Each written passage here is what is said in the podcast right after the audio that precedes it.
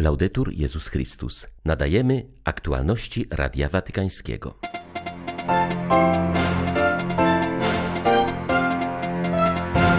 W Watykanie odbyła się beatyfikacja Jana Pawła I. Franciszek podkreślił, że ten papież żył radością Ewangelii bez kompromisów, miłując do końca. Powstał nowy film opowiadający o życiu i działalności matki Teresy z Kalkuty. Obraz nosi tytuł Nie ma większej miłości i wejdzie do kin w październiku. Brazylijski Kościół rozpoczyna kampanię Dzielmy się. Ma ona pomóc ludziom cierpiącym z głodu, których liczba w tym kraju lawinowo rośnie. 4 września wita Państwa Beata Zajączkowska. Zapraszam na serwis informacyjny. Podczas uroczystej Eucharystii w Watykanie Ojciec Święty ogłosił błogosławionym Jana Pawła I.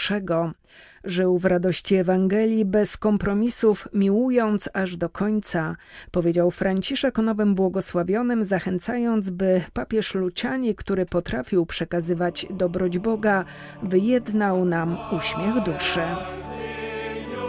Skąpanej w deszczu liturgii na placu Świętego Piotra wzięły udział rzesze pielgrzymów z Wenecji, Belluno i Vittorio Veneto, czyli miejsc związanych z życiem oraz kapłańską i biskupią posługą Albina Lucianiego. Ut venerabilis servus Dei, Ioannis Paulus Primus, Papa, w homilii beatyfikacyjnej Franciszek nawiązał do nauczania Jana Pawła I z czasu jego zaledwie 33-dniowego pontyfikatu.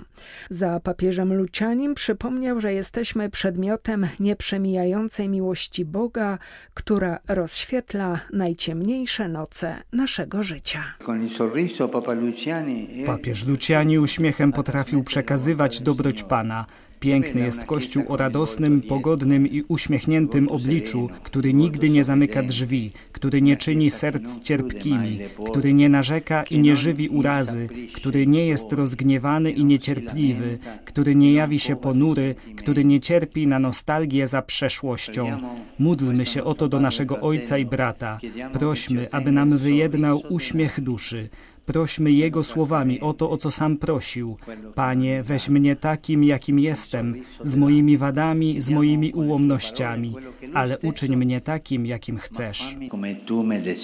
Przed modlitwą Anioł Pański Ojciec Święty zwrócił się do Matki Bożej, prosząc, by wyjednała dar pokoju na całym świecie, a zwłaszcza na udręczonej Ukrainie. Z okazji 25. rocznicy śmierci Matki Teresy powstał nowy film opowiadający o życiu i działalności świętej z Kalkuty. Nosi on tytuł Nie ma większej miłości. Obraz został zrealizowany we współpracy misjonarek miłości z rycerzami Kolumba, którzy zasponsorowali to nowe dzieło dokumentujące spuściznę świętej Matki Teresy. W Watykanie odbył się przedpremierowy pokaz filmu. Sceny do filmu kręcono na pięciu kontynentach, podążając śladami założonego przez matkę Teresę zgromadzenia. Powołała je do życia w Indiach w 1950 roku. Obecnie misjonarki miłości służą najbiedniejszym w najdalszych zakątkach świata. Film opowiada m.in. o posłudze matki Teresy wśród bezdomnych w najniebezpieczniejszej dzielnicy Nowego Jorku, trosce o najuboższych w amazońskiej dżungli, pomocy niepełnosprawnym dzieciom w slumsach Nairobi czy pracy z narkomanami na peryferiach Rio de Janeiro i niesieniu wsparcia ludziom umierającym na ulicach Kalkuty. Zgodnie z zamysłem twórców film nie tylko ukazuje, kim była matka Teresa, ale także jak jej szczególna wizja służenia Chrystusowi w ubogich nadal jest aktualna i realizowana przez misjonarki miłości. Wspaniale jest widzieć, co Bóg dokonał przez matkę Teresy i nadal przez nią dokonuje, powiedziała po rzymskiej premierze filmu siostra Miriam Teris, przełożona regionalna misjonarek miłości. Widzimy pracę matki Teresy i sióstr. Ukazana jest kontynuacja tego dzieła. Ćwierć wieku po jej śmierci najważniejszym przesłaniem dla nas wciąż pozostaje bycie miłosiernym i współczującym obliczem Boga poprzez służbę najbardziej potrzebującym. Staramy się kochać. To jest radość Ewangelii. Ten film pokazuje, jak życie wielu ludzi zmieniło się dzięki naszej posłudze, a nawet jeśli nie widzimy wielkich zmian, to mamy pewność, że ofiarowana miłość zawsze przynosi owoc. Nie możemy pozostać wobec obojętniej, obojętni. To właśnie Matka Teresa przyjęła mnie do zgromadzenia. Na jej ręce złożyłam śluby. Była to kobieta Boga, w której spotykało się Jezusa.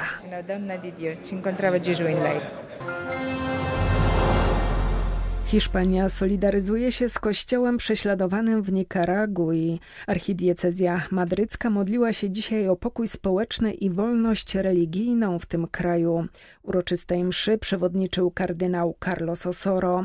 Wzięli w niej udział przedstawiciele Nikaragui oraz innych krajów Ameryki Łacińskiej. Aresztowanie biskupa Matagalpy Rolanda Jose Alvareza odbiło się głośnym echem w hiszpańskich mediach i zwróciło uwagę na trudną sytuację, w jakiej znajduje się Nikaragua w obliczu eskalacji represji przeciwko Kościołowi katolickiemu w tym kraju, a także arbitralnego zatrzymania biskupa Rolanda Alvareza oraz innych księży świeckich, wraz z grupą nikaragończyków postanowiliśmy udzielić modlitewnej odpowiedzi na ten przeżywany dramat, mówi ksiądz Jose Miguel de Aro, proboszcz parafii Najświętszego Odkupiciela w Madrycie. Gromadzimy się, ponieważ potrzebujemy możliwości przyjęcia Eucharystii jako aktu miłości, wiary i nadziei, że już wkrótce zobaczymy Nikaraguę wolną, mówi Araceli Sauceda, która została zmuszona do wyjazdu z Nikaragui. Po mszy rozdano oświadczenie, jakie opublikowało duchowieństwo diecezji Esteli po aresztowaniu biskupa Alvareza, który jest jej administratorem apostolskim, aby katolicy mogli lepiej zrozumieć sytuację swoich braci w Nikaragui. Z Hiszpanii dla Radia Watykańskiego ojciec Marek Raczkiewicz, redemptorysta.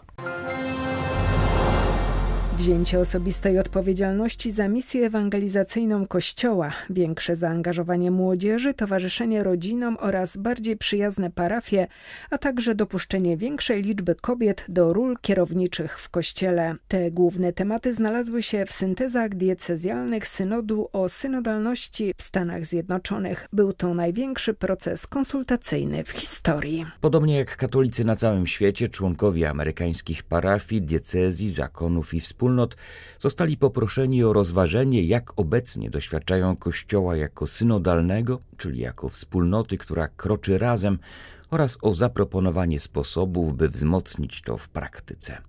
Celem nie było znalezienie rozwiązań, ale raczej praktyka wspólnego podążania jako Kościół, słuchanie Ducha Świętego i rozpoczęcie rozeznawania, czego Bóg wymaga od nas w tych czasach, powiedział arcybiskup Seattle Paul Etienne.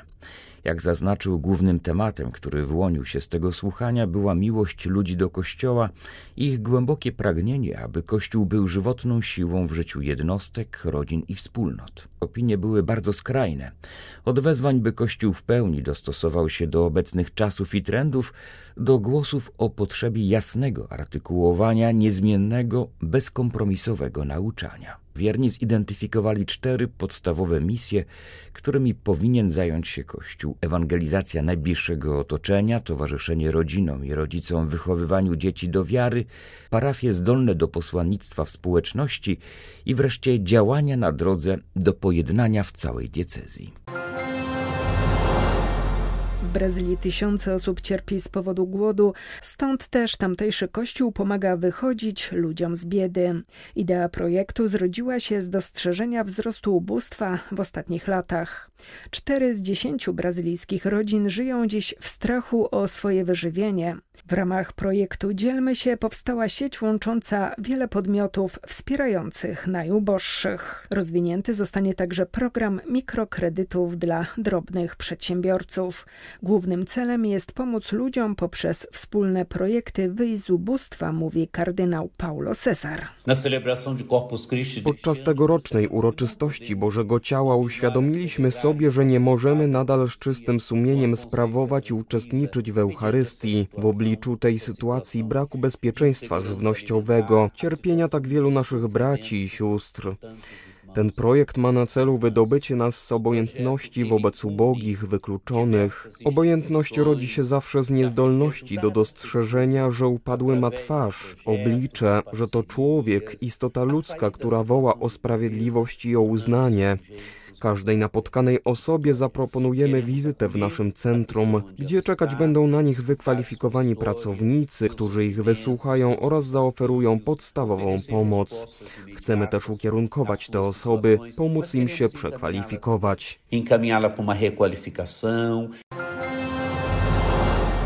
Katolickie Centrum Bioetyki z Oksfordu wezwało do pilnej reformy prawa w Wielkiej Brytanii.